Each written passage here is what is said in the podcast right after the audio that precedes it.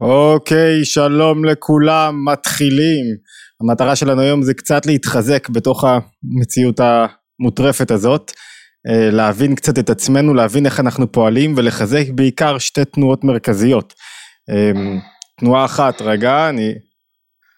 תנועה אחת זה לחזק, אה, לדחות חרדות וסטרס שהם באופן טבעי עולים בתקופה הזאת, נרצה להבין אותם טוב יותר ולדחות אותם, ותנועה אחרת זה לחזק ביטחון ואמונה בתוך המציאות הבלתי פשוטה הזאת. אמ, לפני שמתחילים אני אגיד, מי שרוצה, אני לא רוצה שזה תהיה הרצאה ככה פרונטלית, אז זאת אומרת מי שיש לה שאלות, או מי שיש לו שאלות ורוצה להעלות דברים תוך כדי, מוזמן להתפרץ לי לדברים, אני אשתדל ככה להניח בהתחלה איזה כמה יסודות שאני חושב שהם חשובים מאוד, כדי לפתוח איתם, ותרגישו חופשי, להעלות שאלות ובעיות והתמודדויות, הרבה שאלות נתקלתי בהם בשעות האחרונות, אתם יודעים מה, אני אגיד כהקדמה, אין הבדל בין האימונים בשעת שגרה לבין ההתמודדות בקרב בכל מה שנוגע לעולם הנפשי. זאת אומרת, אני אחדד את זה רגע, זה שלמישהו יש חרדות והן לא קשורות, אין להן סיבה חיצונית, הוא יש לו חרדות, הוא מוצא הרבה, אנחנו יודעים מה זה חרדות, הפחד מה יהיה ואיך הדברים יסתדרו, ואין איזה סיבה עכשיו אמיתית, לא קרה שום דבר, עבורו, גם אם לכאורה אין סיבה, זה אמיתי, בטח שיש סיבה. ולכן דרך ההתמודדות לא שונה באופן מהותי מדרך ההתמודדות כשיש סיבה טובה לחרדות, כשהמציאות היא לא פשוטה. זאת אומרת, בכל מקרה אנחנו רוצים לשכנע את עצמנו להבין את החרדות, להבין למה הן לא יעילות לנו כרגע. השאלות שהכי אה, הציפו בשעות האחרונות זה, רגע, מה? אמ, לא לתת מקום לעצבות, לא לתת מקום לחרדות, לא לתת מקום לכאב, זה לא הדחקה, זה לא אסקפיזם, מה אומרים לילדים, מה לא אומרים לילדים, ואני חושב שהדגש כבר כהערת אגב הוא לא מה אומרים לילדים או בני נוער, אלא איך אומרים, זאת אומרת באיזה תנועה נפשית, ילד יכול לקבל הרבה הרבה מידע ולהתמודד עם הרבה מידע. סיפורי הילדים הם הסיפורים הכי מפחידים שיש, כיפה אדומה. מה, כאילו זה הסיפורים הכי קשים שיש, אבל אם הוא מרגיש שמאחורה יש תחושה של ביטחון, הוא יתמודד עם זה הרבה יותר טוב. ואם אנחנו מביאים הביתה חרדה ולחץ, אנחנו מדביקים אותם בחרדה ובלחץ, ואנחנו רוצים לשכנע קודם כל לקטוע את צינור החרדה והלחץ. זה להבין למה אנחנו לא רוצים בחרדה ולחץ. אז, אז אני אגיד חלק מהשאלות, זאת אומרת, שאלות כמו, אמ, מה אם לתת לגיטימציה לפחד? מה, איך אני משחרר את עצמי כשאני דווקא ידיעות שליליות מציפות אותי מכל עובר וידיעות שליליות אמיתיות, באמת דברים קורים, אנשים שאני דואג להם, כל אחד מאיתנו מכיר מישהו שקרה לו משהו שכאילו אנחנו חברה קטנה, איך אני מתמודד עם זה? איך אני מתמודד עם כעס וזעם על מה שקרה? כל אחד מסתכל והוא זועם בתוכו, או שהוא מתכנס או שהוא זועם על מה שקורה, איך אני מתמודד עם הפחד עם מה שיקרה לי, איך אני אתמודד? אם חס ושלום, כל אחד יכול לפתח פחדים, אולי זה יקרה לי, מספיק שאני משחרר מחשבות קצת לאיזה תמונה שראיתי, ויש כל כך הרבה תמונות שראינו, כל אחד בדרגות שלו, מספיק שאני משחרר מחשבות לאיזה תמונה, מתחילות לי מחשבות, מה יקרה לי, מה יקרה עם הילדים שלי, מה יקרה לבת שלי, מה יקרה לבן שלי, מה יקרה להורים שלי, וכולי. יש גם מחשבות, חרדות מתקדמות. פחד כלכלי, זה אולי עוד מוקדם, אני זוכר בתקופת הקורונה, הרבה לא פחדו מקורונה, קורונה לא הייתה האיום המרכזי, אבל אנשים התחילו לפחד מפחד כלכלי, אדם יש לו הלוואה של אני יודע 20 אלף שקלים, יש לו עסק, הוא צריך לשלם, פתאום הכל נעצר, אז, אז יש פה איזה פחד מפני שיתוק, אה, קושי בהתמודדות, דברים שעשויים לקרות, קטסטרופות שעשויות להתרחש, הרבה שאלות שעולות, וכדי לענות עליהן צריך להתחיל משאלה אחת, איך נכון להרגיש בתקופה הזאת. איך נכון להתנהל... רבית, רגע, כן, אני עושה מיוט. אני, אני תכף אאפשר uh, שאלות. בינתיים אפשר גם בצ'אט, אבל אני תכף אאפשר שאלות. איך נכון להרגיש? זאת אומרת, הדבר הראשון שצריך לשרטט בכל מקום, כשאנחנו באים רגע לעשות, uh, לדעת מה נכון כרגע ואיך מתמודדים עם חרדות, זה לשאול מהי דרך ההתמודדות הנכונה מבחינה רגשית. והרבה פעמים אמרנו, שואלים קודם מה, לא לתת לגיטימציה לחרדות, לא לתת לגיטימציה לפחד, וזו השאלה הראשונה שאני רוצה להציב. כי ככל שהיא תהיה יותר בהירה מבחינה שכלית, יהיה לנו יותר קל להתמודד. אנשים קשה להם להתמודד כי הם לא מסכימים, לא מבחינה שכלית, הם לא מסכימים מבחינה רגשית, שצריך להרגיש אחרת כרגע. שצריך לחוש כרגע אחרת. נכון שאנחנו בתוך קטסטרופה נורא, אף אחד לא מפחית, ברור לכולם הסיטואציה, כל מי שכבר עברנו מעל 24 שעות, כולם ברור לה הסיטואציה, איך צריכים להרגיש עכשיו, איך צריך לנהוג, אז בואו נראה, בואו בוא רגע נפרק את זה לחלקים, איך חיילים ומפקדים צריכים להרגיש. הרי ברור לכולם, יש הלכה כזאתי, שאסור לפחד, להתפחד, חייל שיוצא לקרב אסור לו לפחד, הלכה שמביא הרמב"ם ומונה אותו במניין הלכות, אה, מניין תרי"ג ההלכות. איך אפשר לא לפחד? שואל הרמב"ם, והוא רואה דמי מלחמה, איך אתה יכול לא לפחד? איך אתה יכול לא לפחד? אתה לא מכניס לך לראש מה יהיה. תכף נפתור איך אפשר לא לפחד, תכף נפתור איך אנחנו יכולים לישון ולהתגבר על זה, אבל אני בכוונה מדגיש, הדרך הראשונה כדי להתגבר, השאלה הראשונה, הנושא הראשון שאנחנו חייבים לבאר לעצמנו זה מה נכון. עד שלא נסכים על מה נכון, לא נצליח להתקדם ולא יעזור מי יטפל בכם, אם זה יהיו עשרה מטפלים יטפלו בנו, אם זה פסיכולוגים, פסיכיאטרים, מאמנים אישיים, לא משנה, כי קודם כל צריך ללטש איך צריך להיראות מבחינה נפשית. אז אנחנו אומרים, לחייל אסור לו לפחד, למה? כי ברור לנו שאדם שהוא מפחד, תפקד פחות טוב. מי שמפחד לא מצליח לישון בשעות שיש לו, לא מצליח לראות את כל זירת הקרב, לא מצליח לראות דברים קטנים, הסטרס אוכל אותו, ילד שמפחד לא מצליח ללמוד, לא מצליח לתפקד, תכף נגיע לילדים, בואו נחשוב קודם כל, אתם יודעים מה? על מפקדים. יש נגיד כעס, יש לי חבר שהוא בדרגה מאוד מאוד גבוהה בשירותי המודיעין, ואמרתי את זה היום בסרטון, ואני חושב עליו, עכשיו אם הוא בתוך בראש שלו, עסוק במה יקרה בעוד אה, נגיד שבוע או חודש או חודשיים כשיגמרו ויתחילו ועדות חקירה, הוא לא יכול לתפקד. אין לנו מישהו אחר, הוא בראש. אנחנו צריכים אותו, חד.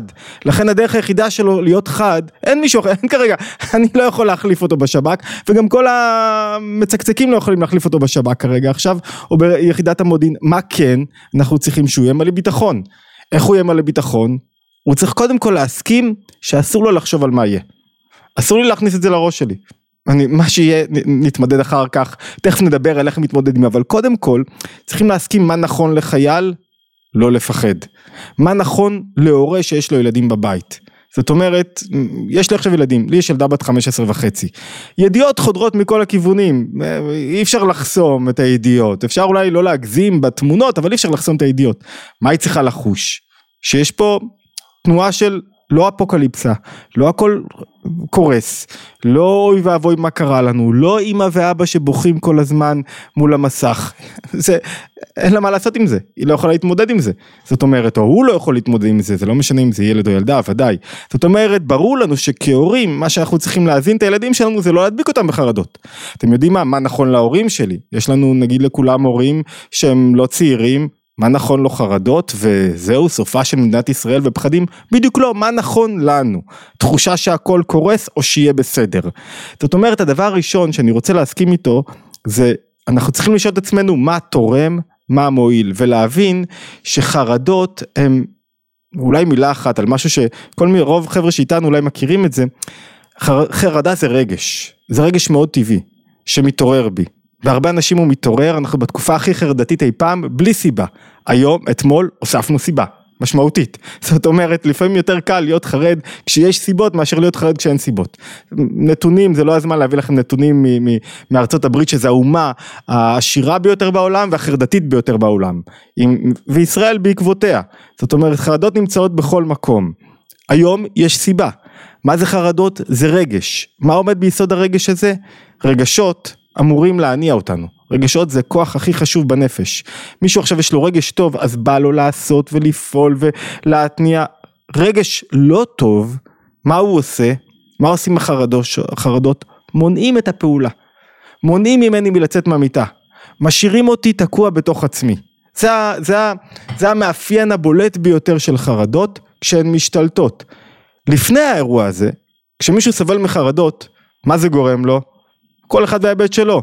אבל פתאום לא להצליח בבחינות כי יש לו חרדת בחינות, או לא להתחתן, או לא להמר על כל מיני דברים, או לחשוב מה שחושבים עליו, ו- וחרדות מאופיינות, הביטוי של חרדות זה מה יהיה, אבל לא סתם מה יהיה, מה יהיה איתי, איך אני אתמודד, איך, איך מה יקרה לי, מה יקרה, כשמישהו לא יושן בלילה, הוא לא יושן בלילה לא בגלל דאגה לכל העולם, הוא לא יושן בלילה בגלל דאגה לעצמו, זאת אומרת צריך לזכור את זה, חרדות זה רגש, רגשות שמתבטאים בעוצמה, מבטאים בעוצמה גם את עצמי, את הישות שלי, את האני קיים, את ה... את ה מה איתי.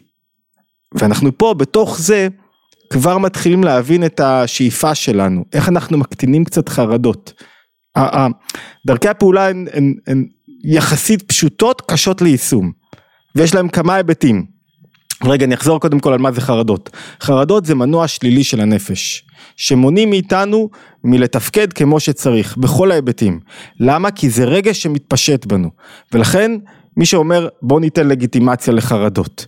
ואתם יודעים מה, יש גם איזה הבחנה, אני, אני לא נכנס לספרות כי אני נדבק בתורת הנפש היהודית, יש הבחנה בין פחדים לחרדות. אה, כאילו פחד זה כאילו יש משהו ממשי וחרדה זה משהו לא ממשי. לא הייתי הולך על זה במאה אחוז, למה? כי כל מי שמפחד, זה מאוד עדין, אמרנו את זה בפתיחה, כל מי שיש לו חרדה, בטוח שמשהו חרד ממנו הוא אמיתי. אף אחד לא חרד ממשהו וחושב שהוא לא אמיתי. זאת אומרת, כשיש לי חרדה, אני בטוח שזה אמיתי, גם אם יש לי סיבות וגם אם אין לי סיבות, זה לא משנה. וחרדות יכולות להתפתח, אמרנו, בכל רגע, בייחוד כשאני רואה תמונות מאוד קשות. אז, אז בואו נסכם מה אמרנו עד עכשיו. אחד, האתגר הגדול שלנו זה דווקא לחזק מידת ביטחון. וביטחון זה הידיעה שאנחנו הולכים לתקופה טובה, שהולך להיות טוב. ביטחון זה תודעה שדוחה ייאוש. אני אגיד לכם משהו, זה האלטרנטיבה הטובה ביותר. גם אם הולכים לתקופה קשה, אתה לא רוצה, אם תחשוב שקשה, הכל הולך להיות קשה, והתקופה הולכת להיות קשה, וזה הולך להיות הכל, ופתאום אתה מתחיל להגיד לעצמך הכלכלה, ועוד משקולת, ועוד משקולת, ועוד משקולת. אם תגיד לעצמך שאנחנו הולכים לתקופה טובה, אתה תראה איך אתה מתמתח, ואיך נהיה לי יותר עוצמות, ואיך אני אעבור את התקופה הזאת עוד צעד, ועוד צעד, ועוד צעד, וזה כבר, יש לנו כבר סוד איך עוברים את התקופה. אז נקודה ראשונה, זה האינטרס של כולנו להתחזק בביטחון, אנחנו לא יכולים להתפקד בתוך התקופה הזאת, אנחנו לא יכולים להשיג הישגים, אנחנו לא יכולים לנצח, חייל לא יכול לצאת לקרב, מפקד לא יכול לנהל את הקרב, אנחנו לא יכולים להיות, אין עורף באמת בישראל, ואנחנו לא יכולים להיות עורף חזק אם אנחנו בחרדות, הבית שלנו לא צריכים, צריך אותנו בחרדות, אף אחד לא צריך אותי בחרדות, או בפחדים, או בעצבות, מה יצא לנו מזה? מה, זה, זה, זה, זה לא האינטרס שלנו בכלל, כי זה לא נותן כלום. לפעמים אנחנו מבלבלים בין כאב לבין חרדות, בטח שמותר לכאוב, או שאנחנו מבלבלים בין שאננות לבין חרדות. זה שאני לא עם חרדות זה לא אומר שאני שאנן. הרבה פעמים התפיסה הרווחת שמצדיקה חרדות זה שאם אני לא אפתח חרדות איך אני אדע להתגונן. אף אחד לא רוצה התגוננות, בטח לא צבאית, מתוך חרדות. אתה רוצה התגוננות צבאית כי אתה מבין את המערכה, כי אתה מבין מה שאתה צריך לעשות, כי אתה מבין, כי אתה לא שאנן. זאת אומרת, אני מבקש לנתק פה, לחתוך את, ה, את הקשר שאנחנו מנסים לעשות אצלנו בראש בין היעדר שאננות לבין חרדות. כי אנחנו רק, מה, מה אנחנו עושים? מזינים בעצם את החרדות ואומרים, מה, אני חייב להיות לא שאנן. אנחנו עושים את זה גם ביומיום, לא בתקופות כאלה. שאני משכנע את עצמי שאני חייב להיות בחרדות, כי אם אני לא אהיה בחרדות העסק שלי לא יתפקד, אני לא יודע מה עם הילדים שלי, וזה בדיוק הפוך. זאת אומרת, שיטת העבודה היא בדיוק כמו בכל מקום אחר, וביטחון, מה זה ביטחון? שאני בטוח שאני אתפקד נכון, אני אעשה את הדברים הנכונים, הם יובילו לתוצאות הנכונות. וביטחון זה לא שאננות. ביטחון זה ראייה רחבה, הבנת הסיטואציה, אבל לא במצב כזה שבו אני, הרגש משתלט עליי. כי כשהרגש משתלט, חרדה משתלטת, מה אמרנו היא עושה? מסתירה לי הכל. מונעת פעולה, כל מי שמרגיש חרדה, מרגיש שמשהו מקפל אותו, הוא לא יכול לישון בלילה. אז דבר ראשון, להבין שאפשר וצריך. נקודה שנייה, אמ, שהחרדות לא יעילות בשום דרך או צורה, הן לא תורמות לשום דבר, אני אעשה את זה בקצרה כדי להשאיר לכם מקום לשאלות. נקודה שלישית, לא לחשוב שהחרדות, היעדר חרדות זה שאננות, לא, אני לא חרד עם ביטחון ולא שאנן. נקודה נוספת להבין שחרדות זה רגש. והרגש הזה רוצה עכשיו להשתלט עליי. והוא רוצה בעיקר, כמו בכל סיטואציה אחרת עכשיו, קרה משהו. קרה היום, אסון, איום ונורא, קטסטרופה. כולם דואגים לעצמם. אני דואג לעצמי. יש עכשיו הרבה אני במרכז. הרבה אני הזה לא יעזור לי לתפקד טוב יותר. הדרך להתגבר על החרדה זה להזיז את האני. זה להיות עכשיו, למה מדברים עכשיו על צא תעשה פעולות, תתרום, תתנדב, תפעל, למה? הכל נועד כדי להזיז את האני, ממרכז המחשבה, מה יהיה איתי, מה יקרה לי, חס ושלום. הרי כשאני לא מצליח לישון בלילה, אני מעיד על עצמי שאני מאוד מאוד עסוק בעצמי ודואג לעצמי, קוראים לזה אגוצנטריות. עכשיו זה בסדר, זה טבעי, הכי טבעי בעולם, כדי לצאת מזה, חייבים להתגבר על האגוצנטריות. חייבים להתגבר, האמת, שבאופן פנימי יותר, זו המטרה של חרדה. זו הקריאה הגדולה של חרדה. זאת אומרת, תצא מהאגוצנטריות שלך, תתחבר למשהו גבוה יותר. זו, זו המטרה הגדולה ביותר של הסיטואציה הזאת, שנצא מעצמנו כל אחד ויתחבר למשהו גבוה יותר. עכשיו, זה האתגר. כש, כשצעיר חושב מאוד, הוא בחרדה, הוא מאוד חושב על עצמו ברגע הזה.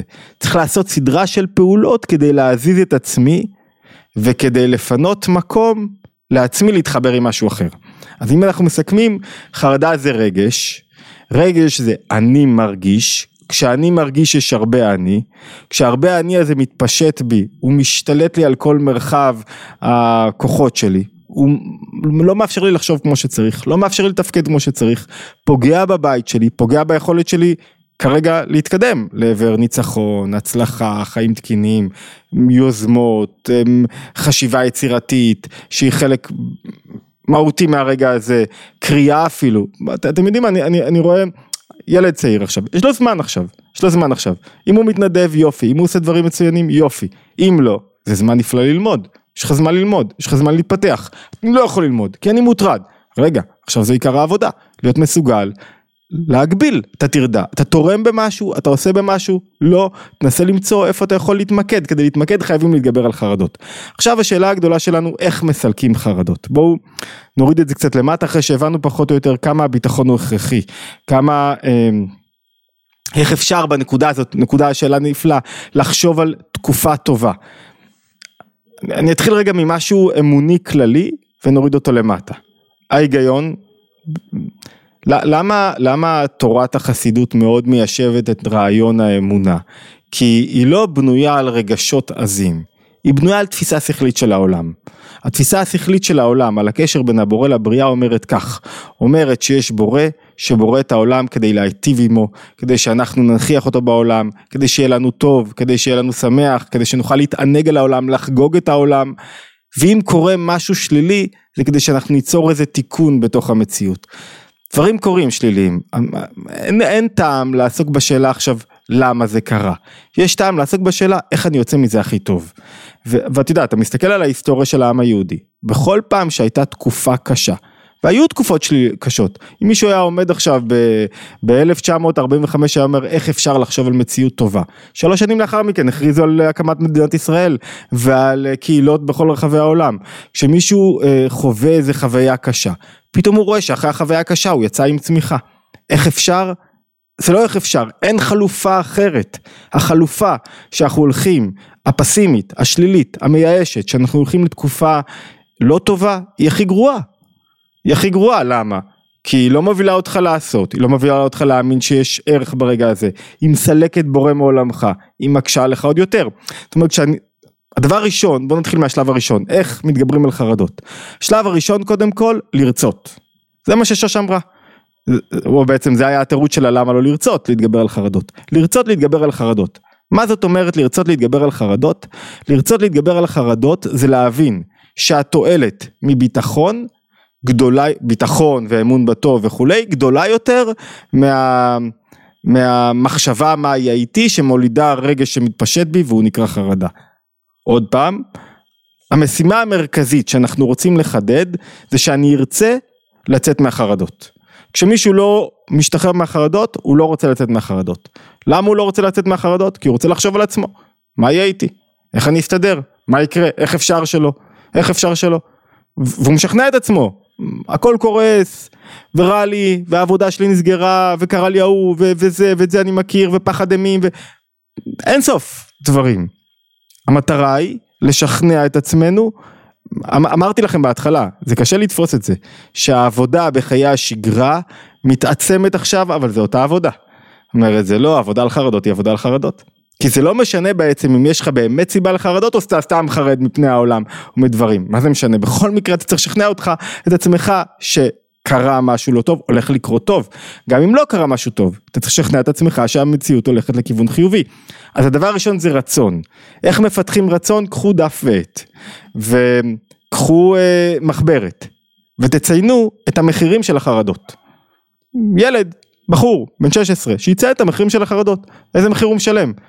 לאט לאט הוא מרגיש, לא רוצה להפחיד אתכם שכל הבעיות הבריאותיות באות מחרדות, אבל, אבל אתה מרגיש את המחיר של החרדות, אתה לא מתפקד, אתה לא יכול לדבר עם הסביבה שלך, אתה סגור בתוך עצמך, תפרטו קצת את המחיר של החרדות, שיהיה לנו ברור קצת, מחיר של חרדות ושל חוסר ביטחון ושל ההשפעה על הבית ושל אה, איך אתם הולכים לישון בלילה כשכל הבית ברע, ברעד, לא חיובי, ואיך אתם הולכים לישון כשאתם מפוחדים איך לזוז, ואיך אתם הולכים לישון שאמא בוכה בלי הפסקה.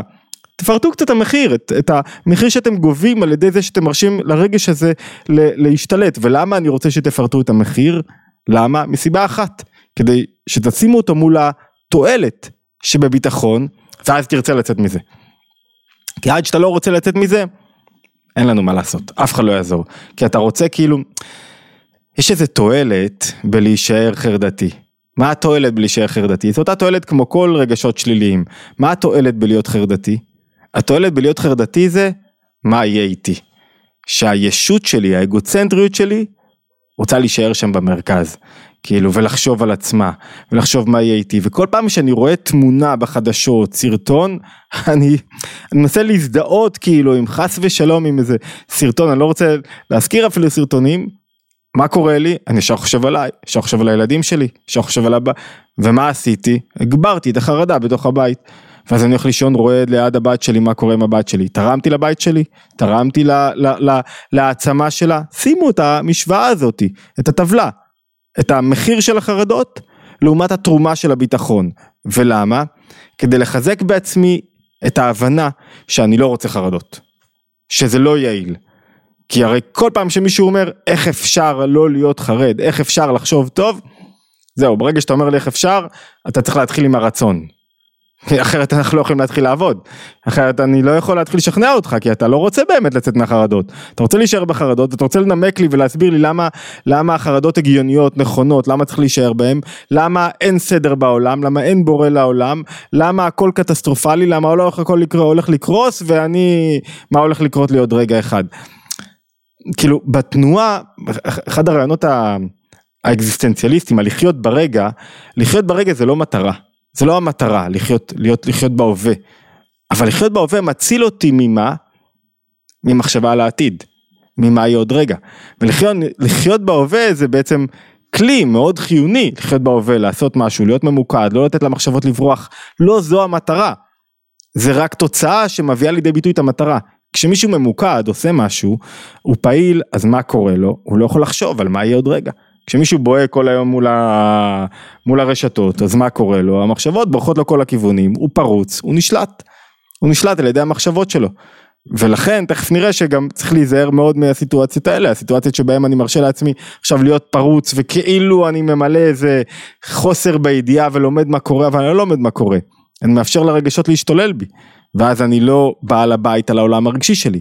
אמרנו הרצון הראשון שלי זה להחזיר שליטה על החיים שלי. להפוך ממצב שבו אני מושפע, מושפע מרשתות, מהאירועים, מהחיצוניות, למצב שבו אני עכשיו משפיע. אני מחזיר שליטה, אני בוחר איך התודעה שלי תיראה, אני בוחר איך אני רוצה ללכת לישון בלילה, אני בוחר איך הבית שלי ייראה, אני בוחר מה אני עושה בזמן הפנוי שלי, אני בוחר אם אני מצליח להתמקד או לא, אני, אני, הכל תלוי בי, זאת אומרת זה האתגר הגדול ביותר של כל אחד ואחת מאיתנו בשלב הראשון. לא הסכמתם אותי עם זה? בואו נחשוב על זה שוב. מה עושים, אוקיי, אני, אני, מה עושים כששומעים בלילה מטוסים קרביים? וזה מזכיר את הטראומה מהמלחמות הקודמות, ואז לא מצליחים לישון, מישהי שואלת. לא מצליח לישון? השלב הבא של להתגבר על חרדות, להבין שהחרדות זה רגש שמתגלה במחשבות. זאת אומרת, הוא רוצה לבוא לידי ביטוי במחשבות שלי. כל פעם שהמחשבות שלי, המחשבות הן לא הבעיה, הרגש הם הבעיה, מי שעבר על סדרות המחשבות. כל פעם שאני עכשיו נותן למחשבה לברוח, לאן?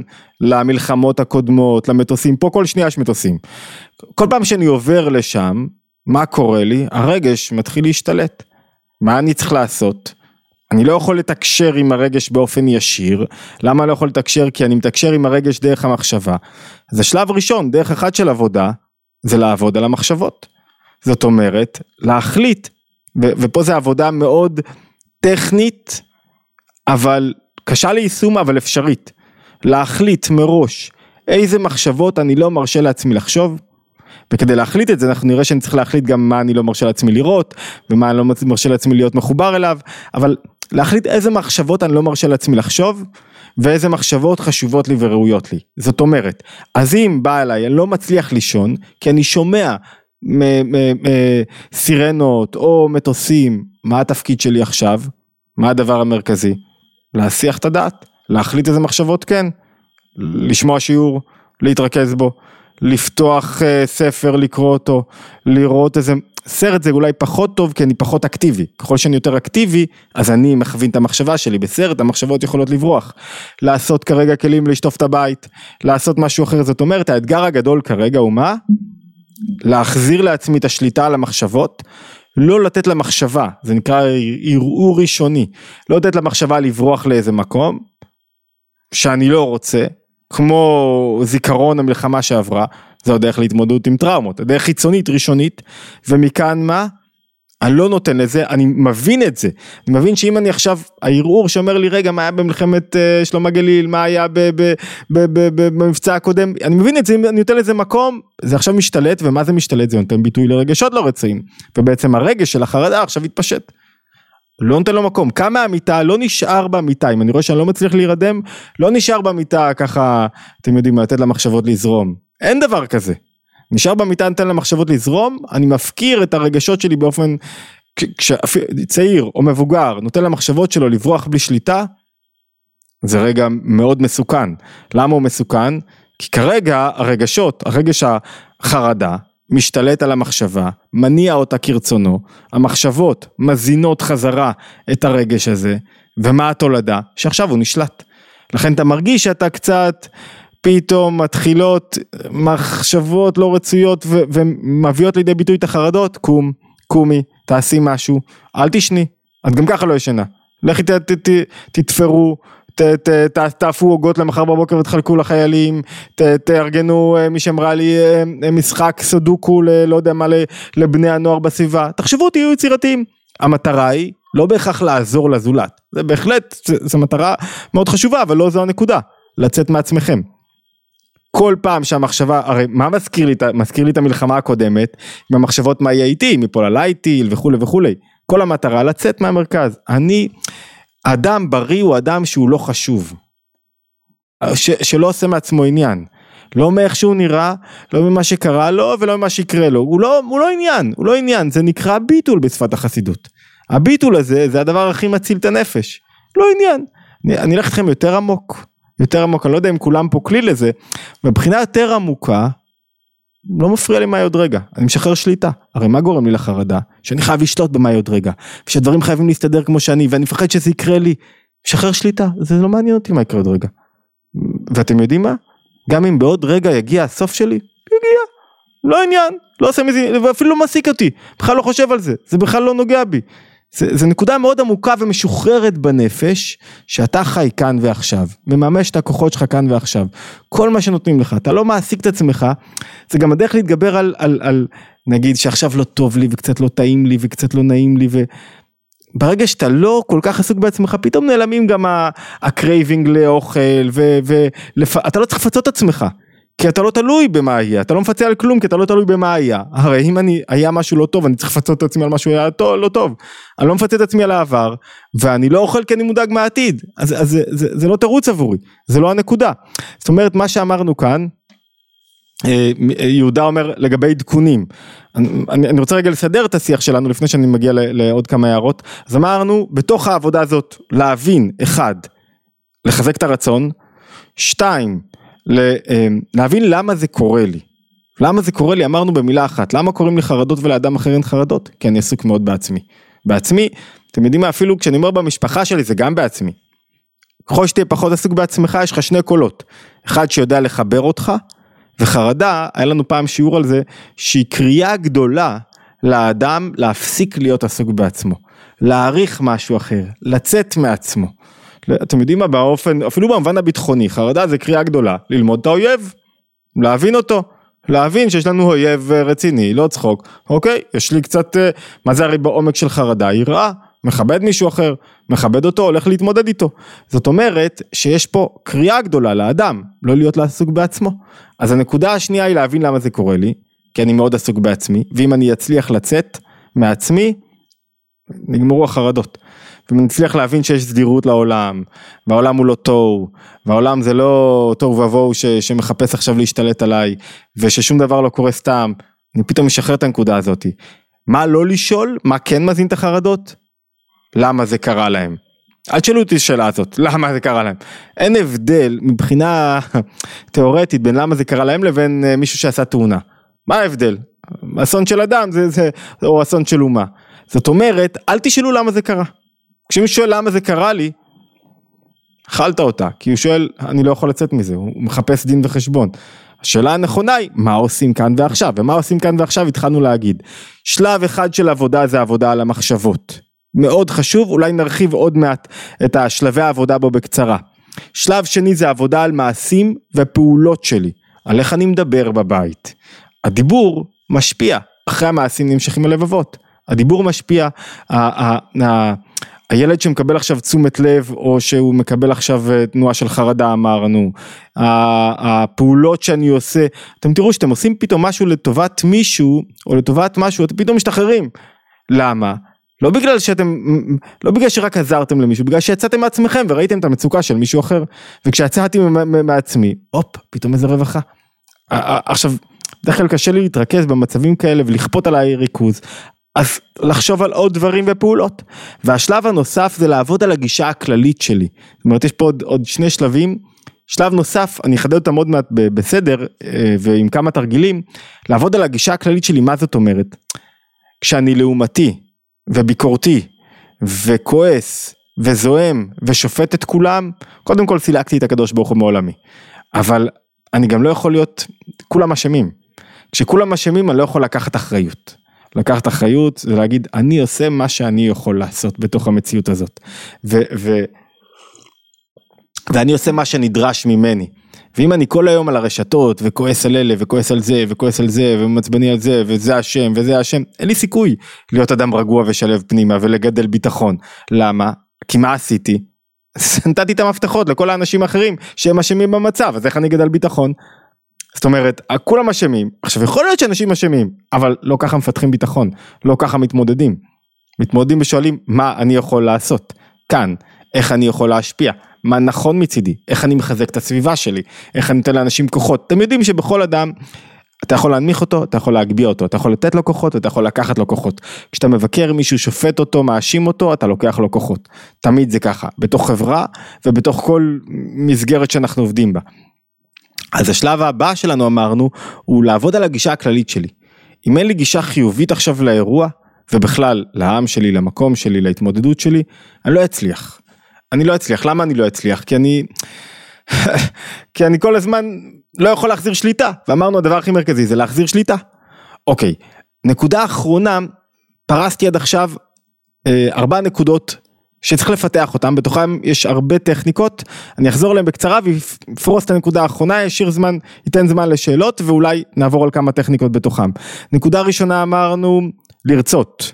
להבין שזה התועלת הגדולה ביותר שלי לעבור מחרדה לביטחון, להבין שאני לא מועיל לאף אחד שאנחנו עכשיו דבוקים למסך, צריך לדעת מה קורה, אבל לא מועיל לאף אחד שאני דבוק למסך ואוי אוי אוי, 300, 600, מה, כאילו, מה, זה תיאטרון, למי אתה מועיל, למי אתה עושה טוב, אתה מחזק מישהו? אתה לא מחזק אף אחד, זה, זה אתה, אתה כאילו דואג לו, אתה בעצם עסוק במה יקרה איתך.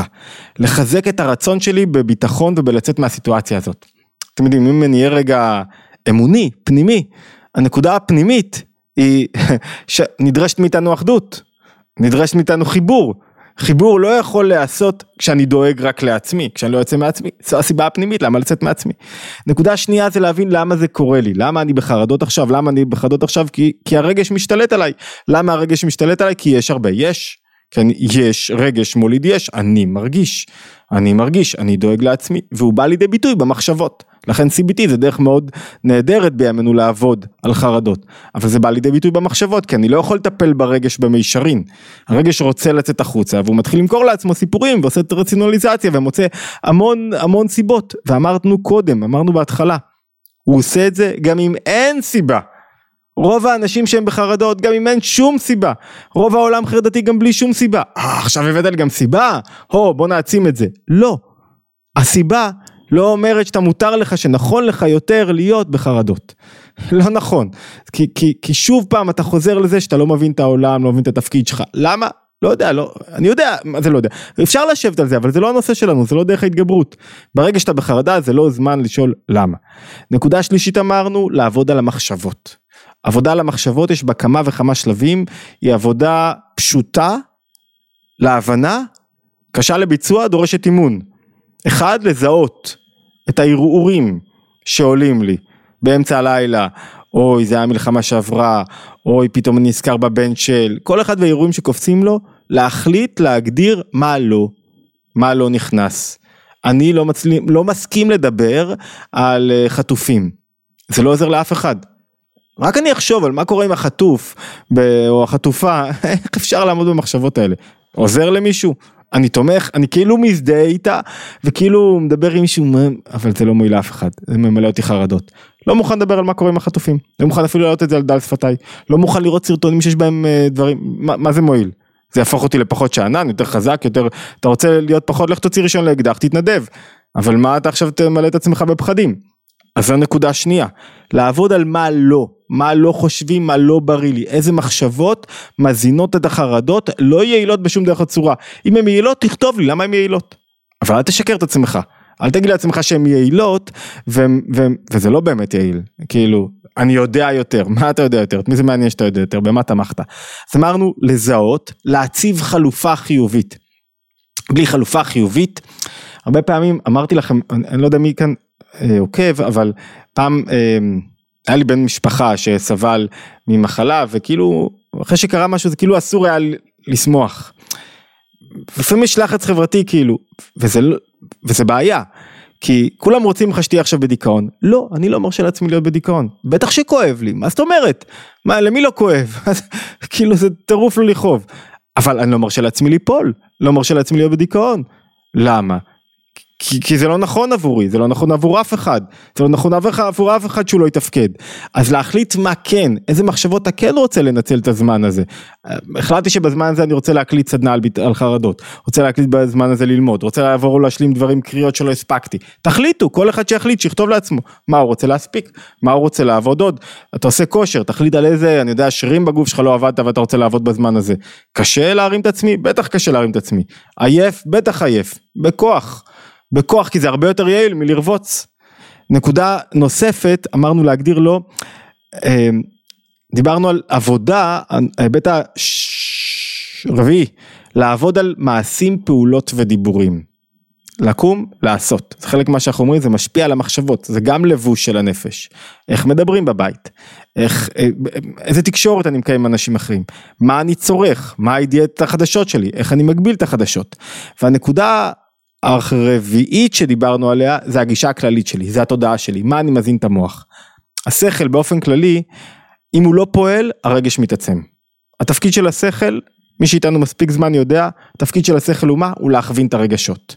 אם אתה לא מפעיל את השכל, הרגשות מתעצמים. הרגשות מתעצמים, זה אומר שאתה הופך להיות נשלט. התפקיד שלנו, להחזיר שליטת השכל. מה זה להחזיר את השליטת השכל? להפעיל אותו.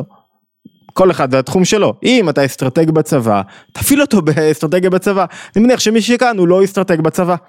אז מה אתה עושה? תגנוב לך שעת לימוד ביום, תגנוב לך משהו שאתה יכול להתרכז בו, ללמוד בו. תנסו בכוח, למה? כדי להחזיר את השכל לפעולה.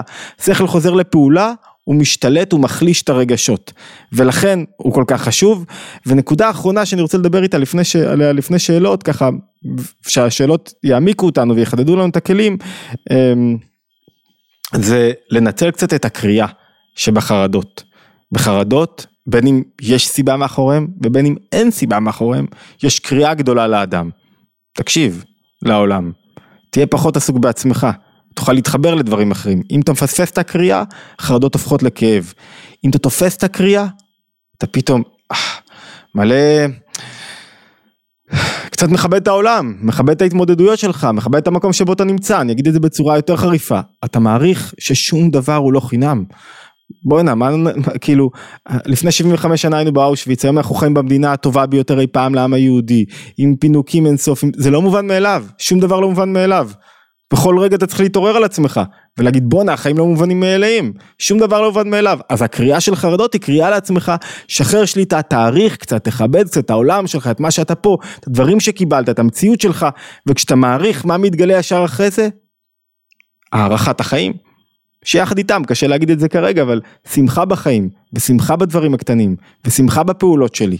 זאת אומרת, שרטטנו פה חמישה מהלכים, שבתוכם יש המון נקודות קטנות, אבל ברגע שהן מתגבשות לי, ואני רוצה לעבוד, אנחנו, הסעיף הזה שאנחנו יוצאים מהתקופה הזאת חזקים יותר, שאנחנו יוצאים בתקופה הזאת חזקים יותר מנטלית, כמו הקורונה שזה לאין ארוך יותר קטן, אבל גם פה יש התמודדות, וזה התפקיד המרכזי של התמודדות.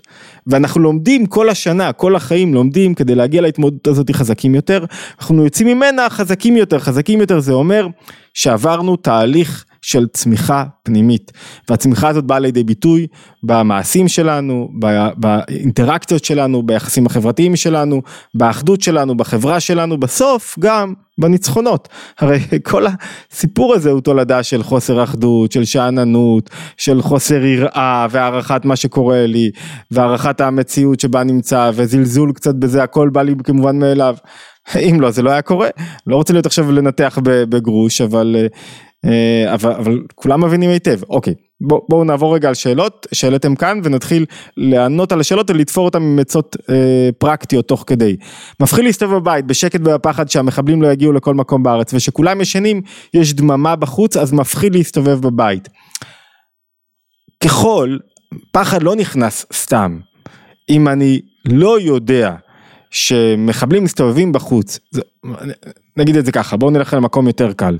אם אני נכנס לים, ואני בטוח שכריש אה, ישח אותי אומרים, כריש אה, ככה אה, ייתן לי איזה, אני, אני מפחד מכרישים, יש הרבה אנשים מפחדים מכרישים או מנחשים. עכשיו הסיכוי שלך להינשך על ידי כריש הוא, הוא פפ, אה, כמעט לא קיים הסיכוי. אבל עדיין אתה מכניס לך בראש שהכריש שם, וכשאתה נכנס למים לפעמים זה קורה לחלק מהאנשים אז הם מפחדים מכרישים או מנחשים. סיכוי שלך שנחש יקיש אותך הוא בטל כל כך. מה זאת אומרת? איך אתה יוצא מזה? אתה לא מכניס לעצמך לראש שיש סיכוי כזה. אתה לא מגביר עוד סרטונים ועוד מחזק. אתה מסיח את הדעת מהמחשבה הזאת וכל פעם שהיא באה אתה הולך עושה משהו אחר, פועל באופן אחר, אתה מחזק יוזמות, אתה רואה אותה, אתה מזהה את המחשבה הזאת, אתה מקיף אותה, אתה אומר, לא, אין, אין, אין, בעומק של המחשבה היהודית, הרי זה, זה קשה להגיד את העומק הזה ואני מקווה שעכשיו לא תעזבו אותי ברגע שאני, או, הרי אין מחבל שמסתובב שם, איש קדוש ברוך הוא. זאת אומרת, אתה אומר, מה אתה אומר? הקדוש ברוך הוא, אני מקווה שהוא לא... קשה להגיד את זה אפילו, קשה להגיד את זה, קשה לתפוס, שהוא לא יעשה לי משהו. ברגע שאני משחרר מראש את השליטה, אז אני גם לא מפחד. אני לא מפחד מה שהולך לקרות, זה מאוד עדין, מאוד דק, קשה, לה... קשה לתפוס, ואני מקווה שאני אומר את זה. בלשון מספיק ברורה ומספיק uh, צנועה מצד שני. זאת אומרת, אם אני אחדיר לעצמי מחשבות בראש שיש פה מחבלים, אה, יזנק עליי, אני לא יכול ללכת, מה זאת אומרת, יש הורים שהילדים שלהם לא יכולים לישון בבית כי הם מלאי חרדות, לא היה מחבלים שלשום, לא היה מחבלים, וחרדות היו גם שלשום. מה זה מעיד? שזה כאן, צלקי את זה, לא יהיה שלשום ולא יהיה גם מחר. הסיכוי הרי עדיין, עדיין, צריך לשים בפרופורציות, נכון, קטסטרופה, 600 נרצחים, אבל עדיין, שימו את זה בפרופורציה. זה, זה לא איום קיומי על מדינת ישראל, וגם אם זה היה, חרדות זה לא האינטרס שלנו. האינטרס שאתה תישן כמו תינוק ותקום חזק, ולא תקום טרוט ולא מסוגל לתפקד. זאת אומרת, אני שוב מחזק. מי שיש לו עכשיו חרדות גדולות, גם לא עבד על עצמו קודם. יכול להיות שהיו לו חרדות ממשהו אחר. והחרדתים אה, מהבריאות שלו, ממה שהוא אוכל, והחרדתים מ... זה, זה היה גם קודם. אז עכשיו אתה מאשים את המחבלים. אז אל תאשים את המחבלים ותתחיל לעבוד כמו שצריך על החרדות, זה מה שאני מנסה להגיד, וכאילו, אל, תחפש או תחפשי סיבות למה באמת להצדיק את זה שיש מחבלים בחוץ ותשאירי את המחשבה הזאת בתוך הראש. אל תחפש סיבות למה הנה עוד אחד ננשך על ידי כריש. לא יעברו מחבלים וצריך ביטחון שיהיה בסדר והצבא שלנו חזק ומחזיק שליטה ובמקום אה, חוסר ביטחון ואם יהיה אה, אה, החרפה אנחנו נתמודד טוב מאוד אנחנו חזקים ומאמינים בעצמנו זה הסרט שתספרי לעצמך. בואו נמשיך בעוד כמה שאלות נראה אם יש לנו עוד כמה. מה עושים בלילה חושבים על דברים חיוביים אני זוכר את זה מהזמן שירו על גילו לפני 20 שנה אה, שהיו שני מסוקים קבעו על המעל בית של ההורים שלי והיום שמעתי מסוקים וזה חזר אליי והדחקתי את זה בשתי ידיים. נו אז תיארת היטב. להבין מה הנזק הנזק הוא לא המחשבה הרי מה הזיכרון עושה. זיכרון מעורר רגש הרגש הוא העיקר, אני זוכר מה שאני מרגיש, מה שקרוב אליי. לכן, על דרך השלילה אומרים את זה, אם לא קנית מתנה לאשתך, זאת אומרת שהרגש שלך לא במקום הזה. זה כאילו, כשאתה לא זוכר משהו, אתה כנראה אין לך רגש כלפיו. הרגש שם קיים, והוא מחפש עכשיו על מה להישען, כדי לחזור, לקבל חיות ולהתקיים בתוכך. ואני מבין את זה, כי אני אדם שלא רוצה שזה ישתלט עליי, ואני אומר לו לא. לא רוצה להיזכר בדברים האלה, לא רוצה שזה ייכנס לי. הטוטליות, התקיפות, שקוראים לה כוח הנצח בנפש, היא סופר חשובה. למה היא חשובה? כי זה לא, אולי אני אתענג על איזה מחשבה של פעם, זה לא, לא זה לא, זה, זה העוצמה שלה. אמ, עוד פעם כי מפחיד שמחבלים יגיעו מפחיד גם רק מזכיר לכם אני מקווה שאני לא טועה בנתונים 700 איש נהרגים בשנה מתאונות דרכים אז מה אתה לא נכנס יותר לרכב 700 איש זה, זה יותר ממה שנהרגו. אני חושב, לא יודע, אוקיי, בוא, בוא לא זה, 700 איש בשנה, כל שנה נהרגים מתאונות דרכים. אז מה, אנחנו לא נכנסים יותר לרכב? אז מה, אתה לא נוסע יותר? כולם פה נוסעים. למה? כי אתה יודע להדחיק, אתה יודע לכבות את הפחד. יעיל הפחד, אם הפחד היה יעיל, היית אומר לי, תשמע, הפחד שלי עוזר לי באיפה מסוים ואני אוכיח לך שהוא לא עוזר, לכן התחלנו עם הרצון, עם ה- איך לשכנע את עצמך שאתה רוצה להיפטר מחרדות. אם, אם, אם, אם מישהו אומר, לא יעזור לך לפחד, אה, אוקיי. חשבתי שאתה אומר, אם מישהו אומר, אני לא יכול להתגבר על הפחד, אז אין לך מה לעשות. אם אתה אומר לעצמך, מפחיד שמחבלים יגיעו, זה אומר לך גם מפחיד לעלות הרכב. אם לא תחשוב על התאונות דרכים, כי זה רחוק ממך, לא תחשוב על המחבלים, לא תיתן לזה מקום, לא תעשה כל היום בתקשורת, תלך כל היום תהיה סביב הפלאפון, וכל היום עם סרטים, כל היום מחשבות, אז לא תישן בלילה. תבין את הסיטואציה, תבין מה נדרש ממני כרגע, מה התפקיד שלי כרגע, לכל אחד פה שאיתנו יש תפקיד מאוד ברור ברגע הזה. מה התפקיד הברור שלו ברגע הזה? יש כאלה שהתפקיד שלהם זה לעשות את הבית שמח, יש כאלה שהתפקיד שלהם זה להמשיך את העבודה שלהם כדי לשמור על שגרה וככה מנצלים, מנצחים את המחבלים, יש כאלה שהתפקיד שלהם להתפלל ולהגיד תהילים, ויש כאלה שהתפקיד שלהם זה לכולנו יש הרבה תפקידים, ברגעים שונים גם. יש כאלה שתפקיד שלהם זה, זה לתרום, יש כאלה שתפקיד שלהם זה לעורר חיילים, יש כאלה שתפקיד שלהם מעודד מישהו אחר. בכל רגע יש לך תפקיד אחר, אחר, כל רגע תשאל מה התפקיד שלך. כשאתה שואל מה התפקיד שלך, אתה פחות במרכז, זו, זו ההנחה. אה, יפה, דוד אומר, כי זה לא יעזור לך לפעול בזמן אמת. מלחיץ שהמחבלים יגיעו לעוד מקומות, זה הסיבה העיקרית. אמרנו בדיוק דיברנו על זה, זה בדיוק כמו למלא את עצמך בכל פחד אחר, כל חרדה אחרת, עם אחוזי הסתברות סטטיסטיים דומים לכל חרדה אחרת. כל חרדה אחרת מקרישים דרך תאונות דרכים. אז אתה רוצה עכשיו לשכנע אותי שיכול להיות תאונות דרכים ואל תיסע ברכב? אותו דבר בדיוק. אמ, התחושה שאתה לא יכול להגן על עצמך ואין מי שיגן עליך, זה לא נותן לחשוב מה שרוצים. או, זו נקודה ממש חשובה ומעניינת. כי מה היא אומרת? היא אומרת בעומק שלה, במקום שבו אני לא שולט, הדברים הולכים להידרדר. זאת אומרת, ניקח את זה בכוונה ממקום אחר, אם אני לא שולט באיך הילדים שלי מרגישים, אם אני לא שולט באיפה הילדים שלי, אז יכול לקרות דברים רעים. ואחד ההיבטים הגדולים, אמרנו, של חרדות, זה לדעת לשחרר את המקום הזה של אני חייב לשלוט יהיה עוד רגע. ביטחון, זה קצת לדעת שאני אעשה את הפעולה ולשחרר שליטה. שאני לא הכל בידיים שלי. זה יסוד האמונה. יסוד האמונה זה שאתה, איך אתה משחרר שליטה? לא הכל בידיים שלי. אני פה שחקן. אני פה שחקן ואני קצת משחרר את השליטה של אני חייב לשלוט בכל דבר ואני בטוח שמארגני המשחק יפעלו לטובתי בכל רגע. אתם יודעים, בכוונה לוקח אתכם גם למקום שמישהו עכשיו בתוך סיטואציה נוקשה, אתה רוצה אותו שהוא יהיה בביטחון, שהדברים יסתדרו כמו שצריך, לא משנה מה יקרה בעוד רגע, החרדה תוביל אותו לקיבוץ, לחוסר פעולה נכונה. השחרור יחזק אותו, בבריחה, בריצה, בהתקפה, בכל דבר אה, אה, שיהיה, ולכן אנחנו רוצים לשחרר רגע את המחשבה ממה שיהיה איתי. זאת אומרת הסוד של התגברות על חרדה, אם אנחנו אומרים את זה, מנסחים את זה פה, זה היכולת שלי לשחרר את מה יהיה איתי. לשחרר את מה יקרה איתי בעוד רגע. לא להיאבק עם זה, לא להתמודד עם זה, לא לענות לזה, אין לי מה לענות לך אם יהיה, אם יהיה מחבלים או לא. מה זה לשחרר את זה? אוקיי בוא נראה עם עוד כמה שאלות. אה, אה, יהודה אומר ברור שזה מפחיד אבל להתחבר למדיה כמו אינפוזיה לא יעזור מכניס אותך לחרדה נכון? מפלט במוזיקה מוזיקה דבר נהדר יוצאים חזקים יותר מחיר יקר של נפשות רבות איך אפשר. אה, המחיר של אני לא מבין את השאלה. זאת אומרת יש מחיר גם אם אני אהיה בחרדה גם אם אני אהיה בביטחון. הביטחון והפעולה הנכונה והלא השאננה והדרך חרדה תפחית את המחירים בעתיד. למה? כי יהיה לנו צבא חזק יותר. הרי סיכמנו, זה היה השלב הראשון. סיכמנו שאפשר לנצח רק עם ביטחון. אז, אז תפחית את המחירים ותחזק, רגע אני השתקתי אתכם לגמרי לכן אתם רק כותבים. אה, ותחזק את היכולת התמודדות שלנו לכן אם אנחנו רוצים לחסוך בנפשות ולהצליח יותר דרך אגב בכל דבר בחיים כל דבר בחיים אנחנו נצליח פחות עם חרדות, כל דבר בחיים ילך לנו פחות, והחיים יהיו טפלים וקשים והפעולות יימנעו, כל דבר בחיים, לא רק האירוע הזה, האירוע הזה ייגמר, עוד שבועיים, חודש, חודשיים, שלושה.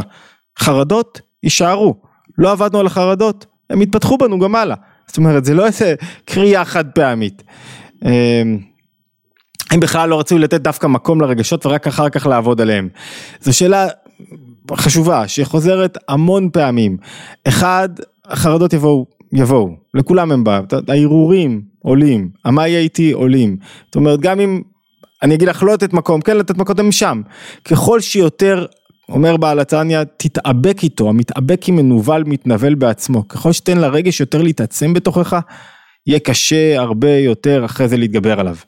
כי מה אני עושה? אני מתחיל להצדיק אותו ומקשיב לו ונותן למקום, אני יודע שפה אנחנו אה, חורגים בצורה משמעותית מהמון היבטים בפסיכולוגיה המודרנית. אני יודע שאומרים בואו נדבר על החרדה שלך.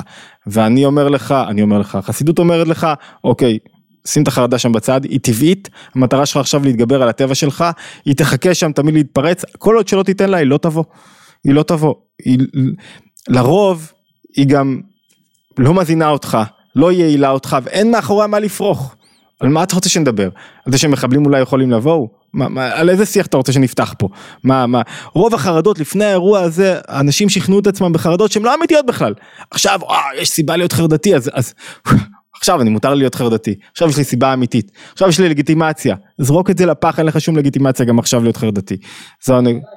אה, אוקיי, או, סוף סוף. הסביבה שלנו, כאילו, אתה יודע, הכל קורה כל כך בסיטואציות ובחדשות.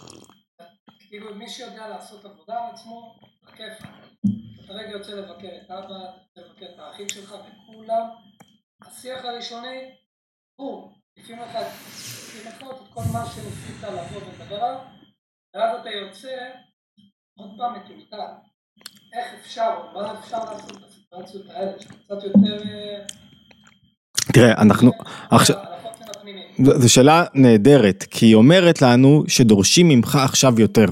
דורשים ממך להיות מנהיג. מנהיג זה אומר שהוא לא מושפע מסביבו, הוא לוקח את הסביבה שלו קדימה. אתה, אתה יודע מה, יש מנהיג אפילו מוכר בחנות, אתה יכול לראות מוכר בחנות, אה, הכל מוריד לך למטה ויש מוכר בחנות שמחייך לך חיוך כזה, מעודד אותך, שאתה יוצא, קנית ממנו עכשיו, אני יודע, איזה שקית מצרכים, אתה יוצא ממנו עכשיו עם יותר אנרגיות ועוצמה. זאת אומרת למה? כי הוא היה מנהיג ברגע הזה. מנהיג אומר שאתה קודם כל מנהיג את עצמך, שאתה מוליך את העולם הרגשי שלך ובעקבותיך יבואו. מונהג אומר מה? שכולם שולטים בך. הרחש בחש, אני מזכיר לך, גם לא בתקופות כאלה התקשורת מנסה, תקשורת, שזה העבודה שלה, אני לא, לא ארוס לאנשים את העבודה שלהם, מנסה לשלוט לי בעולם הרגשי. כולם כל הזמן מנסים לשלוט לי בעולם הרגשי. זה, זה, זה, בתקופות האלה על אחת כמה וכמה צריכים להיות יותר חזקים. התפקיד של כל אחד פה זה להיות מנהיג, לקחת אחריות רגע על החיים שלו, ולאחריות של הסביבה, ולהגיד לו אמא, זה לא תורם לי ולך, שעכשיו נקי את כל הפחדים ואת כל הסיפורים שיש בוויינט, זה, זה שיח שעכשיו מדברים עליו, זה כאילו שיח אה, דאגה בלב איש ישיחנה, אבל זה לא דאגה בלב איש ישיחנה, יש הבדל, קו גבול ברור בין לשתף בדאגה, לפתור אותה, ולדעת איך להתמודד איתה, לבין לבחוש בה ולבחוש בה ולתת לי, לשלוט לי במחשבות, ואנחנו צריכים לשים את הגבול הזה, וכשמישהו עובר את הגבול, אני לא מתאים לי עכשיו שיח כזה. אתה בא לך להיות בשיח של, של, אתה יודע מה, זה, זה גם בקשר בין מטפל למטופל. מטופל רוצה להיות בתוך השיח הכואב החרדתי. עוד שוב אני מזכיר לפני האירועים הללו. האירועים האלה רק נותנים לו עוד כלים ותחמושת, אה, מה אתה רוצה שנתגבר על זה? ו, ו, והמטרה שלך כמנהיג זה להגיד לו, זה לא תורם. אם תראה לי איך זה תורם, אני אשאר איתך שמה. אם תראה לי מה זה נותן, אני אשאר איתך שמה. אם, אני מבין אותך, אני מקשיב לך, אני רגע, אני אמפתי, אני לא לא אמפתי, אבל אני לא מוכן להיות פח זבל של, של uh, uh, תירוצים, לגיטימציות לרגשות שיגבירו איתי, בי את החרדות. אני מקווה, גם מישהו שואל פה מה האיזון בין uh, מפקד חייל בין פחד למוכנות אופטימלית לקרב כדי שבאמת תבוא. אף אחד לא רוצה את המפקד או את החייל שלו מפחד. הרי אין בזה שום מוכנות. אתה ראית מישהו עולה לקרב והוא מפחד ו- ו- וזה מועיל לו יותר? מה אתה חושב שמרצה עולה לדבר, אתה חושב שפחד יועיל לו? התרגשות חיובית ו- והבנת הסיטואציה והכנה נכונה וראיית המרחב והפעלת השכל שלו ומנוע רגשי שהוא שולט בו שמניע אותו קצת שהוא ככה קצת על טורים אבל לא חרדה שמשתלטת עליו. ולכן אתה לא רוצה לא מפקד. אתה, מה אתה מתאר לעצמך את עכשיו את אריק שרון ב-73 מדבר עכשיו ב- ב- בקשר והסורים המצרים על הגדרות. נו נראה לך שבאמת מישהו היה מסוגל ללכת אחריו כך איך אתה רוצה שהמפקד שלך ידבר בקשר? דיברנו על זה פעם ששמעתי את, ה, אה, אה, את הקשר באסון השייטת שהוא מדבר, אני לא זוכר כמה, שלושה, עשרים, כמה חבר'ה לא זוכר, כמה נהרגו שם, ורגע יהודה אתה, ורגע, נהרגו שם לא מעט, והוא מדבר בקשר כאילו עם חבר שלו ב... וזה הדרך היחידה להבין אותו, כי אם הוא היה בלחץ ובסטרס ובחרדה, הוא לא היה מצליח לתת לנו צדיק הנכון, הוא לא היה מצליח לכוון את הכוחות, אז ברור שאתה לא רוצה שום חייל בסטרס ובחרדה. ואנחנו לא, כמו שאנחנו לא רוצים חיילים בקרב, ויש הלכה כזאת אם זה פתחנו, גם אנחנו לא רוצים להיות בסטרס וחרדה, כי אנחנו נתפקד פחות טוב. וזה הרי, הרי זה, זה מלחמה פסיכולוגית בסופו של דבר, שזה מה שהאויב רוצה ממך, שתהיה בחרדה, בלחץ, בסוף תנוס מהפחד, אפשר יהיה לשלוט בך. אבל זה ממש מסקרן, בטח שזה מסקרן, האמת שתקשורת מסקרנת גם לפני uh, זה, כי זה יש בזה אקט, לא נעים להגיד, קצת בידורי, שאתה חייב לדעת כל דבר. אז אם אתה לא נתון לחרדות כרגע ולא מפוחד, תסתכל ויודע להבין, אני לא צנזור, לך לא צנזורה, אבל אם הנפש שלך חלשה, תברח כמו מאש. זאת אומרת, אתה צריך לדעת איפה הוא אוחז. אם אתה עכשיו הנפש חלשה ואתה בתוך uh, סכנת חרדות, הן מתפתחות במהירות, תברח כמו מאש מלצפות בכל הסרטונים. אם אתה חזק ואתה יכול להוציא מזה עניין ותובנה, לא, לא אגיד לך לא, זה לא הנקודה, אוקיי. נשמע מצוין, לא קל לביצוע, במיוחד למי שיש נטייה לחרדה, נכון. עצה שהועילה לי היום, לא צפיתי בחדשות, עסקתי בניקיון. לא אמרנו שזה קל, אבל כשמישהו מצליח, הבשורה הטובה היא שהוא יצליח גם בחיי שגרה בעתיד. כי אמרנו, אנחנו נצא מהסיטואציה הזאת, נצא מחוזקים, עם ישראל חזק, ומדינת ישראל חזקה, ונצא מפה, אבל אז הוא יתגבר על חרדות, והוא פתאום יצא אדם, אנשים מגלים את עצמם במצבי משבר. יצא אדם שהולך עכשיו לטרוף יותר את החיים, עם יותר כוחות.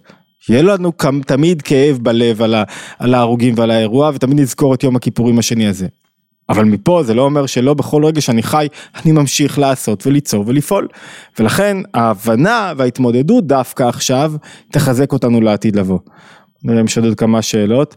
אה, יצחק שניר, אה, שהייה בטבע במעיינות כריפוי הגוף והנפש בזווית יהודית, זה עזר לי נכון, יש עניין בשהייה בטבע במעיינות, אני יודע דרך אגב שלא קופץ לי מקורות כרגע, אבל uh, הוא שואל לגבי שהייה בטבע ובמעיינות, כל דבר שאתה לא תהיה עסוק בעצמך, הרי הגוף הוא כלי לאור הנפש, ואם אתה משחרר קצת את הגוף, לפעמים גם הנפש הוא משפיע עליה, בוודאי, כמו שתרפיה משפיעה, נשימות משפיעות, בסופו של דבר צריך לגעת במסובב, בנפש. זאת אומרת הגוף מועיל אבל לטווח ארוך אתה חייב לשחרר קצת את הנפש מה, מזה שלא תהיה אזוקה. לפעמים לשחרר את הגוף, לכן, לכן תרופות לא תמיד יעילות ולא לאורך זמן, כי הן עובדות על הגוף. בסוף אתה צריך להיות עבודה בכוח עצמו על הנפש, אבל אני יודע שגדולי האדמו"רים היו שוהים במעיינות ובטבע, יש משהו משחרר פתאום בלצאת מהמקום שבו אני נמצא ולכן אה, זה חשוב ולא קופץ לי מקורות. מה עושה מישהו שיגיע אזעקה, שמגיע אזעקה כל רגע? אותו דבר בדיוק. הוא מלמד את עצמו בזמן האזעקה להסתכל רגע כמה טכניקות על מי שלידו. להתעניין בו, כל מה שיזיז אותך מהמרכז, להחליף מחשבות, להיות מסוגל בזמן האזעקות, ליצור לעצמו איזה עבודה בתוך הממ"ד, לא יודע, תחשבו על מגוון עבודות, כל אחד משהו מתחבר, תרקום, ת, עבודות כאלה שלא ייתנו למחשבות לברוח ולהעמיד את עצמך במרכז, אה, שישאל לשלום מקורבים שלו, שיכין דברים לאחרים, כל מה שיזיז אותך מהמרכז ובמחשבות, זה התרפיה שלך. אה, לא כל כך הבנתי איך משחררים ומבינים שלא הכל בשליטתי. מה זה יעזור אם פתאום זה כן יקרה חס ושלום? אוקיי, זו שאלה, נחזק רגע איך אני משחרר שליטה. אחד ההיבטים של שחרור שליטה עובר דרך ההבנה השכלית של מבנה העולם. ומבנה העולם כזה הוא מבנה האופן שבו הבורא ברא את הבריאה, שאתה לא שולט בהכל. כולנו בסוף נמות. יש תכלית לחיים, אתה פה בפרוזדור קצר, תפקיד שלך פה לפעול ולעשות טוב בעולם, ולהאיר את העולם ולתקן אותו, לתקן אותו במובן של להוסיף לו אור וטוב, זה התפקיד שלך בעולם.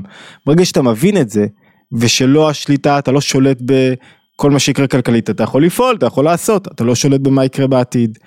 אתה לא שולט לא במובן של אני עכשיו לבטח את עצמי, אלא שאני אפעל הכי טוב והדברים יסתדרו כמו שצריך, ואני משחרר את הקשר עכשיו לתוצאות, אני אעשה הכי טוב שאפשר. ואם משהו יקרה כן, אני אתמודד איתו שיקרה כן. אני מראש צריך למלא את עצמי בכל הפחדים במה שיקרה, אחרי כל כך הרבה דברים יכולים לקרות. אני ברגע הזה מתכונן, עושה את הכי טוב שאני יכול ברגע הזה. אחרי זה, אני במקום אחר, אני אעשה את הכי טוב שאני יכול, ואם יקרה משהו, אנחנו נתמודד טוב, כי אני סומך על עצמי, סומך שנתנו לי את הכוחות. זה מה שאני רוצה מהילד שלי. מה אני רוצה מהילד שלי? שידע שהמציאות מטיבה איתו, תחשוב על, תחשבו על הילדים שלכם, שהמציאות מטיבה איתו, שהמציאות לא נגדו, ובכל סיטואציה הוא ידע לפעול הכי טוב שיש. והוא ידע לתפקד הכי טוב שיש. וכשאני חושב ככה, אני אומר, גם אם יקרה משהו, אני יודע שהילד שלי יתפקד טוב. כאילו, גם אם אני, עכשיו אם אני אחשוב על מה שקרה במסיבת טבע, אז, אז בטח שאני אכניס חרדות. אבל אם אני חושב עכשיו על, על, על ילד מפוחד ומבוהל לעומת ילד שעם ביטחון, ברור לי שילד עם ביטחון. יגודאייב, רגע, אני... ברור לי שילד עם ביטחון, כאילו, יש מרכיב נוסף בשחרור שליטה, הקדוש ברוך הוא, אבל ברור לי שילד עם ביטחון ימצא את המחסה הטוב יותר, יברח יותר, כאילו יראה יותר את הסיטואציה, יבין אותה יותר טוב. למה? כי, כי הרגש לא שולט בו ברגע, ואז כשהמוח שולט בו יש לו יותר אפשרויות. זה אף פעם לא רק בשליטה שלך, אבל ברור שאתה מגדיל את הסיכויים, מגדיל את הסיכויי התמודדות שלך בכל דבר, כשאתה מחזיר שליטה. ואם יקרה חס ושלום, תמחקו, אני לא עוסק בזה. אני לא עוסק במקרה. אם יקרה פתאום הבנקים יתמודדו, אם יקרה פתאום בעולם, כל הזמן העולם נברא כך שלא יודעים עוד רגע. אם יקרה, מה זה אם יקרה? אי, אי אפשר לענות על אם יקרה. מה אתה רוצה שנענה לך אם יקרה? לא, זה לא מעניין אותי בכלל, לא עונה אם כן ולא עונה אם לא, אני בטוח שהולך לקרות טוב. עובדה שאנחנו חיים במדינה טובה, ודברים טובים קורים סך הכל. אה, מה עם החרדה לילדים יותר מאחד שגויסו? אותו דבר בדיוק, הילד שהתגייס, הבן שלי עכשיו נסע לצו 8, טוב אני כבר זקן מדי בשביל צו 8 אבל אמ, למרות שבא לך לפעמים אבל אתה אומר אתה תורם במקום שלך, אני אועיל לו בחרדות שלי? איך אני אועיל לו? אני אועיל לו בזה שאני אשלח אותו עם ביטחון ועם עוגות ואומר לו, הוא נסע לרמת הגולן לעבוד שם, אתה הולך ליהנות שם, כאילו או ש... אוי ואבוי, מה יקרה? תשמור על עצמך, תקשר לך כל חמש דקות, מה... מה הילד שלי צריך את החרדות שלי? תגיד לעצמך, יוני, תגידי לעצמך, הילדה שלך או הילד שלך צריך את החרדות שלך? צריך שתדביק אותו בחרדות? מה זה ייתן לו? זה ייתן לו תפקוד טוב יותר? עכשיו, במקום להיות משוחרר, גם את על הגב שלו. ו- ואת כאילו דואגת לו, ואת דואגת לעצמך. אם את דואגת לו, לה, או לא, לא משנה, אז הילדים צריכים שיהיה להם אימא עם ביטחון, שסומכת עליהם ובטוחה שיהיה טוב. אם יקרה, מחקנו את זה, מה זה אם יקרה? זה, זה לא שאלה ששואלים אם יקרה. כי היא לא רלוונטית לעבודת הביטחון אם יקרה.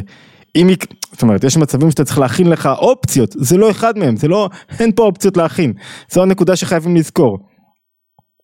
אה, אוקיי, אה, אם אני מתחזקת ואומרת יותר פרקי תהילים ומעשים לזכות הנדרים וחיילי צה"ל, אחרי צפייה בסרטונים מצוין, להגיד תהילים דבר טוב, תרפיה נהדרת, חיזוק, דבר רוחני, יש בזה בכל ההיבטים, לתת צדקה זה תמיד טוב, להתפלל תמיד טוב. אה, אז הוא מוקלט, כן, הוא מוקלט, כן, נשלח בקבוצה. האם מדיטציית מיינדפולנס של התבוננות בנשימה ברגע הזה מחברת אותך באופן ישיר לקדוש ברוך הוא, כי המילה הווה זה שם הוויה. שאלה טובה, אני... דיברנו על מדיטציה קצת, מיינדפולנס זה כמובן בא מהבודהיזם ולא מהיהדות, אבל יש ביהדות משהו שהוא כמו מדיטציה, אה, אני לא ארחיב על זה עכשיו, אבל זה בעצם חיבור לדרגת חיות גבוהה יותר, יש סרטונים בתוך הערוץ, אה, וכן, כל, מה, מה, הנשימה זה האופן שבו הנפש מזינה את הגוף, וכשאני לומד לנשום, אני בסופו של דבר גם לומד אה, להיות ברגע, אבל המשימה הגדולה ביותר עוברת דרך נקודת החוכמה, דרך השכל, לא דרך רק שחרור, אלא דווקא דרך מיקוד, כי אז אני לומד אה, להיות מונח ברגע, לא רק שאני עושה מדיטציה, אלא בכל רגע ורגע. אמ, נראה לי רק, אוקיי, אבל בכל זאת זה איום על החיים, זה לא איזה פחד מתאונה או להחליק על הראש. מפחיד שהערבים מבפנים גם ישתוללו, זה בעצם תחושה של חוסר אונים. על זה בדיוק דיברתי, יונתן, או לא יודע מי העלה את זה. זאת אומרת, בואו נזין את עצמנו בעוד פחדים, למה לא? מה יהיה אם הערבים ישתוללו? הרי אותם פחדים שעכשיו יש, היו נכונים בכל ה-75 שנה האחרונות. מי שבא לפה לפני 75 שנה, 80 שנה, 90 שנה, 40 שנה, בא ל-600 אה, אלף יהודים מוקפים במדינות אויב, בצבא אויב שרוצים להשמיד אותנו והמציאות הזאת לא השתנתה בכל רגע ורגע וזה לא השתנה לאורך כל אלפיים שנות גלות ולא השתנה בארץ ישראל. מה קרה שעכשיו נכנסת לחרדות? הקמנו מדינה בלי חרדות אז עכשיו נכנסת לחרדות? יש בעיה עם ערבים עם השתוללות נפתור אותה. צריך להאמין בכוח שלנו לפתור אותה צריך להתחזק. אבל עכשיו אתה רוצה לחזק לנו את הביטחון, חוסר הביטחון וחוסר האונים, לא השתנה שום דבר ב-75 שנה האחרונות.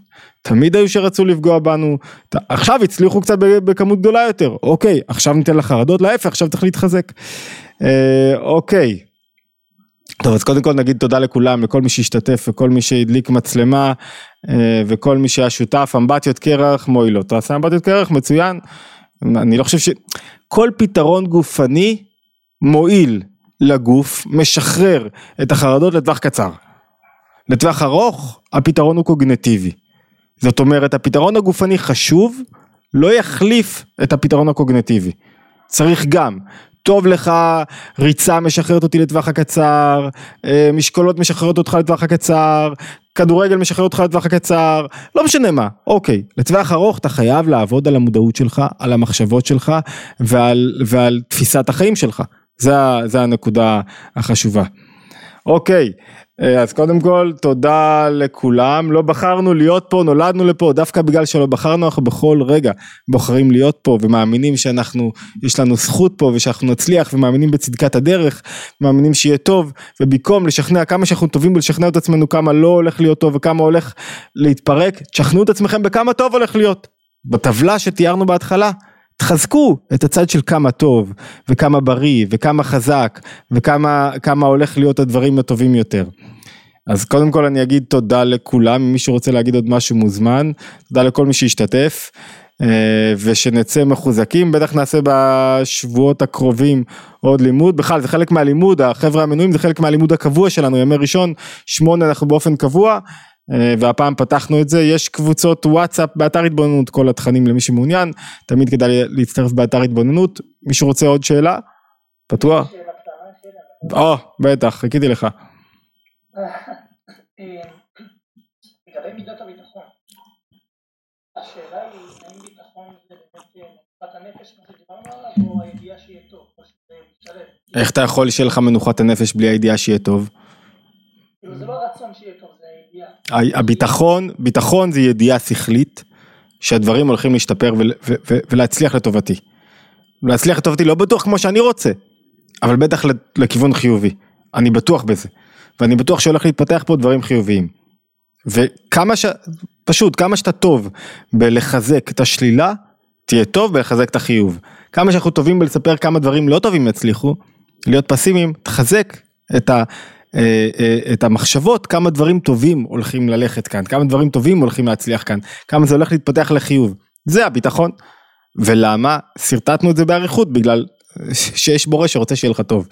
זה, זה העומק של הדברים, והוא בורא כל רגע, ו, ואתה לא פתאום עושה אותו, גם אם קרו דברים רעים, אתה לא פתאום שם אותו מעבר לגדר ואומר לא עכשיו הוא כועס עליי ושונא אותי, לא, לא, לא יודע מה הסיבה של, שזה קרה כך, בטח לעורר אותנו, אבל עכשיו אני אתעורר ויהיה טוב. אז זה לאו דווקא דברים שאתה רוצה, יהיה טוב. אמרנו שאחד הדברים שקשורים בביטחון זה לשחרר קצת זה מתי לא מתי זה לשחרר את הרצון שלך שכאילו כשאני מאוד רוצה משהו אז אני כאילו זה תלוי מה אתה רוצה. זאת אומרת יכול להיות שדווקא דברים ייפתחו לך בזוויות אחרות. מנוחת נפש שאני אפעל ודברים ייפתחו. לא בטוח במאה אחוז שבדיוק בכיוון שאני רציתי אבל בטוח שבכיוונים חיוביים. לא יכול שום דבר לא יכול למחוק את הצלקת שום דבר לא יכול למחוק את הכאב. ודאי שלא. ודאי שלא יש כאב. הכאב קיים ודאי, אנחנו לא, לא שמים אותו בצד. אחד מהרעיון, מהרעיונות של לשאת הפכים זה מצד אחד ללכת עם כאב, מצד שני לבנות עוצמה פנימית. יש כל כך הרבה, כאילו הכאב יישאר איתנו, ועוצמה פנימית בעוד זמנית, זה להחזיק הפכים. אוקיי. כן, בטח. תודה, תודה נשמה. לגבי העבודה השכלית קוגניטיבית, הלכה למעשה זה בעצם אה, אם אפשר לכמת את זה בכך, אה, לימוד תורה ללא הפסקה, דיבור עצמי חיובי, אה, שינוי משפטים חיוביים, כן, הבנתי נכון? מעולה, מעולה, מנטרות עובדות טוב, מעולה. מנטרות אה, חיוביות עומדות טוב, עובדות טוב, לא דיברנו על זה באריכות, יש עוד הרבה כלים קטנים שלא דיברנו עליהם, אפשר להספיק הכל בשעה ורבע. אה, אבל כן להגיד לעצמי כמו שאתה מסוגל להגיד מנטרות שליליות תגיד מנטרות חיוביות כן לימוד ככל שאני לומד שכל שולט מאיר לי את הדרך לכן זה כל כך חשוב ומחזק אותי מסכים לחלוטין עם כל מה שאמרת בהחלט. יופי. אז שיהיה לנו קודם כל לילה טוב ושקט ותקופה טובה והדברים ירדו למטה וישפיעו עלינו ויהיו משמעותיים ו- וייצרו בנו שינוי אמיתי ובאמת נגיע לתקופה טובה יותר ושמחה יותר. עניין הביטול נקודה מאוד משוחררת, מסוכנת, הכי טובה שיש בעולם, שואל יונתן. אין, אין שום סכנה בזה שאתה לא תהיה עסוק בעצמך יותר מדי, להפך, יש רק רווחים. אתה תראה שדברים מסתדרים לך יותר, גם בפרנסה, גם בביטחון, גם בכלכלה, כי אתה, הכל מתפקד טוב יותר. אתה פחות עסוק, ב, ב, נותן לרגשות לשלוט בך. אוקיי, נרחיב על זה פעם הבאה, תודה לכולם, שיהיה לילה טוב ובשורות טובות.